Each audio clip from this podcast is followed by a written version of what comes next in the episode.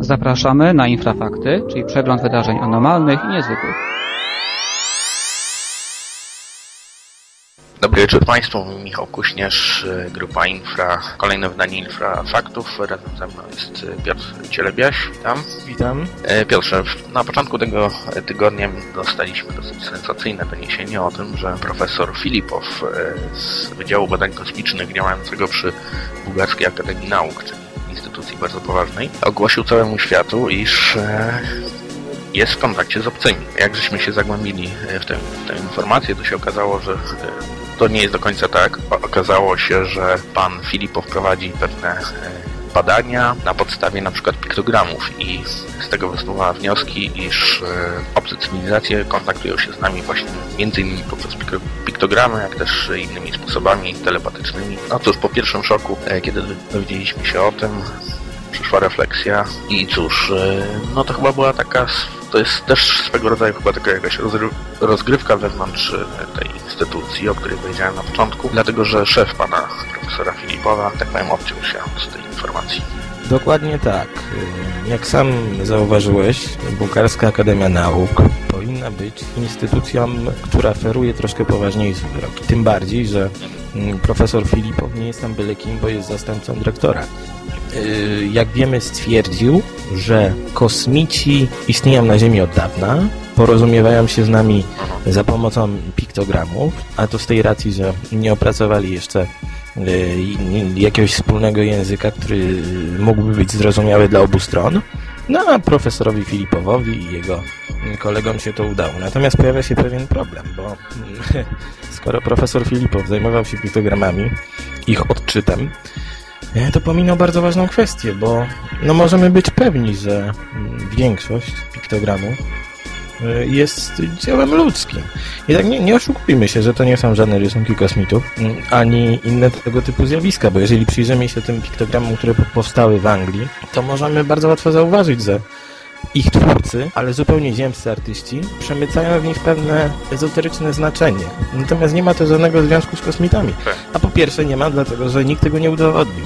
Nie udało się tego tak naprawdę jak, w jakikolwiek sposób potwierdzić. Dlatego pan Filipow no nie wiem, może miał po prostu taki zamiar, ale chyba poszedł o krok za daleko i, i jak to mawiał, prawda, inni od śmieszności do wzniosłości tylko jeden krok i on zrobił ten krok. Natomiast jak już wspomniałeś, Bułgarska Akademia Nauk ma jeszcze inny problem, mianowicie malwersację.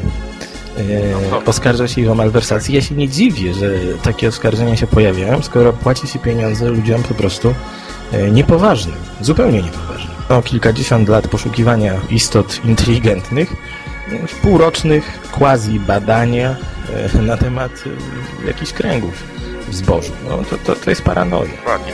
No zresztą o kręgach zbożowych żeśmy mówili. Jeśli ktoś by sobie zadał trochę trudu, to nawet można na YouTubie czy też na innych kanałach znaleźć wypowiedzi osób, które tworzą te kręgi.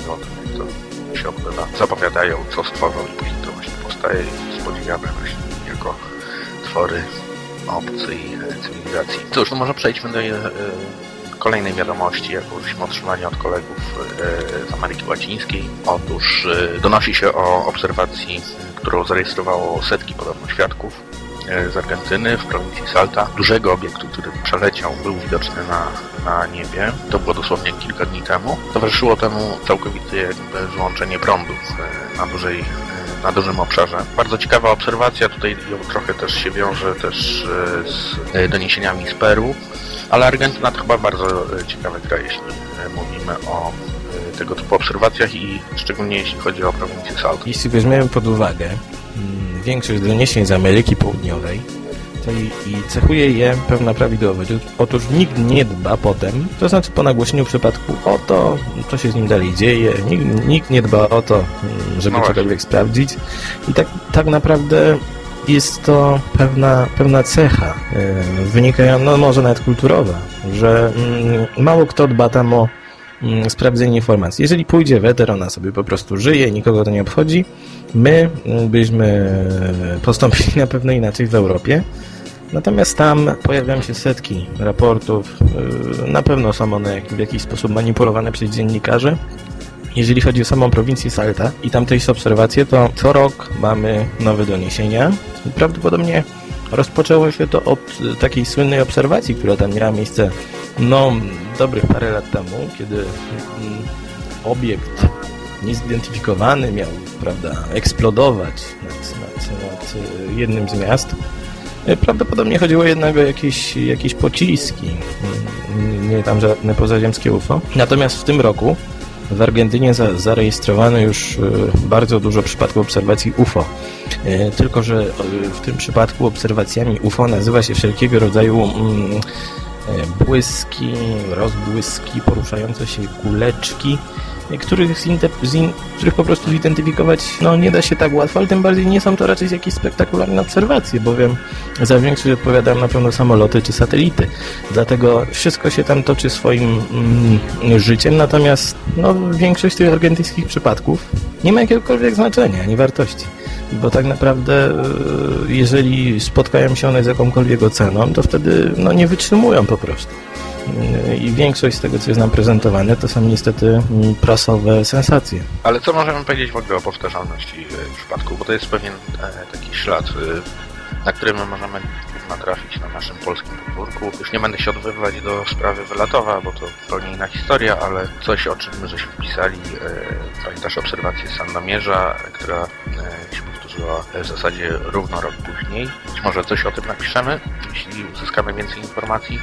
Ale to jest ciekawe zjawisko, prawda, że coś e, się y, powtarzało. To znaczy, zwykle jest tak, mm, że często świadek e, obserwacji, dość spektakularnej, e, będąc pod jej dużym wpływem, po prostu inaczej zaczyna patrzeć na otaczające go rzeczy i często donosi o innych sprawach, prawda, które no niekoniecznie już są już zawierają w sobie jakieś tajemnicze wątki. Natomiast jeżeli mówisz o powtarzalności, to podstawowym problemem ufologii jest to, że rzadko zdarza się, aby obserwowano dwie takie same, obserwowano dwa takie same obiekty, dwie takie same istoty. E, to wszystko jest tak zróżnicowane, że no, to jest główny problem, bo mm, nagle okazuje się, że mamy do czynienia z mm, całą gamą różnych rodzajów obiektów, prawda, oddziaływań, istot. I, i tak naprawdę no, nie wiemy jak na to patrzeć, czy jest to jakiś, e, jakiś, jakaś pochodna, prawda, no nie wiem, wynikająca z, z, z mitologizacji tego zjawiska, czy może jest to wpływ fantazji świadków.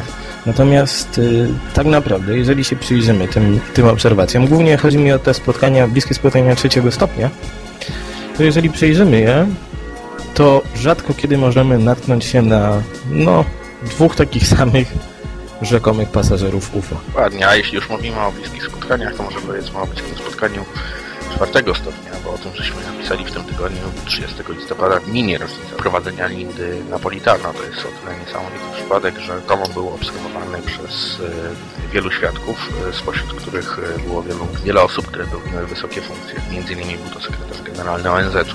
Cóż, po kilku latach badań w tym przypadku, dosyć niezwykłego, sensacyjnego, publikujemy artykuł właśnie stronie. Cóż, po pewnym czasie się okazało, że jednak nie wszystko było do końca tak, jak początkowo. Y, zaczęło się wszystko nocą 30 listopada roku 1989.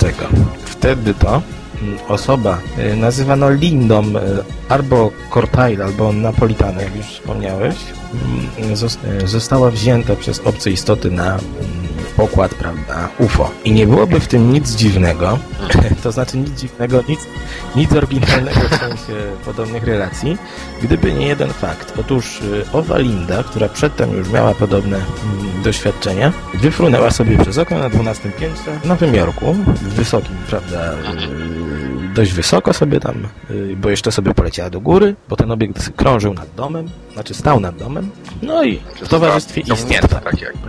I no i co, co, co dalej? Wkrótce poinformowało o tym znanego mm, badacza y, abdukcji Bada Hopkinsa, który no pomyślał, że jest to bardzo ciekawe. Tylko problem był taki, że musiał to ktoś widzieć. I się okazało, że ktoś to widział. Bowiem o, mm, wkrótce Hopkins otrzymał listę od osób, które miały obserwować, jak Linda wylatuje po prostu z okna twojego mieszkania i wlatuje sobie do jakiegoś świetlistego UFO. nie byłoby żadnego problemu w tym, żeby przypadek ten uznać za najbardziej mm, wiarygodny, najbardziej, najlepiej udokumentowany, gdyby nie pewne problemy, które się pojawiły, bowiem okazało się, że wszystko jest dość grubymi niczym szyte. Gdybyśmy pozostawili relację taką, jaka jest, czyli mm, Linda wyfruwa z okna do UFO, obserwują to agenci CIA, obserwuje to sekretarz generalny ONZ-u, obserwują to inni, y, inni świadkowie, którzy znajdowali się wtedy na moście bruklińskim. Zostawiamy tą relację tak jak jest, wszystko jest ok, brzmi świetnie. Natomiast pojawiły się problemy. Przede wszystkim z wiarygodnością informatorów, bo mm, Hopkins mm, oparł się na liście. Na liście od osób, których tak naprawdę nie, nie, nie, nie, nie spotkał, których tożsamości nie ujawnił, to ta, ta mowa o sekretarzu generalnym NATO była również dość, dość, dość, to, była hipoteza dość, dość mocno naciągana, Naciągam. Bowiem nie udało się go niestety skłonić do tego, aby się publicznie przyznał, że widział latającą kobietę wpływającą do UFO. Natomiast y, podstawowy problem był taki, że mm, Linda była osobą dość e, mało wiarygodną. Okazało się nawet, że mm, całą swoją historię, mm, o której, którą przedstawiła jako wydarzenie z 30 listopada, oparła na pewnej książce, która ukazała się Mhm. pod koniec lat e, 80. Dlatego wszystko, wszystko mm, się troszkę zagmatwało i wszystko bardzo mocno wpłynęło na reputację Bada Hopkinsa, dlatego o tym przypadku się dzisiaj mało mówi. No cóż, e, ale mieliśmy też e, inną rocznicę, ale może o tym powiem tygodniu. Chodzi mi o wydarzenie w Gettysburgu. To jest tyle ciekawe, że badacze amerykańscy uparli się, że tak powiem, aby to do końca wyjaśnić. E, Zwrócili się oficjalnie do NASA, aby e, się ustosunkowała do tego. Powołano specjalną komisję, z tego co wiem, ale to już może o tym powiemy w przyszłym tygodniu, prawda, dokładnie. Wydano pewien raport na ten temat, którego jak Do, dokładnie tak, ale myślę, że powrócimy do tego za tydzień, gdyż poruszymy tam kilka E, innych tak, kwestii, a na dzisiaj to chyba koniec, prawda? Tak, ja jeszcze tylko przypomnę, że wczoraj żeśmy odbyli e, debatę, pierwszą taką naszą publiczną debatę grupy Infra z e, przedstawicielami, z przedstawicielem panem Konradem Bierzakiem Polskiego Towarzystwa Studiów Spirytystycznych. Bardzo mu dziękuję za udział, myślę, że było ciekawie. Debata jest do odsłuchania na portalu Wolne Media i tak samo będzie też dostępna dla tych, którzy dzisiaj zdołali jej posłuchać, bo była o godzinie 14, ale na pewno będzie zarchiwizowana i będzie również dostępna u nas e, na forum grupy Infra. Także zapraszam do odwiedzenia www.infra.pl. W zakładce forum znajdziecie forum, gdzie są też wszystkie nasze audycje również umieszczone. E, Także dziękuję Ci Piotrze i zapraszam za tydzień. Wysłuchaliście programu Michała Kośnierza i Piotra Cielebiasia, realizacja grupy Infra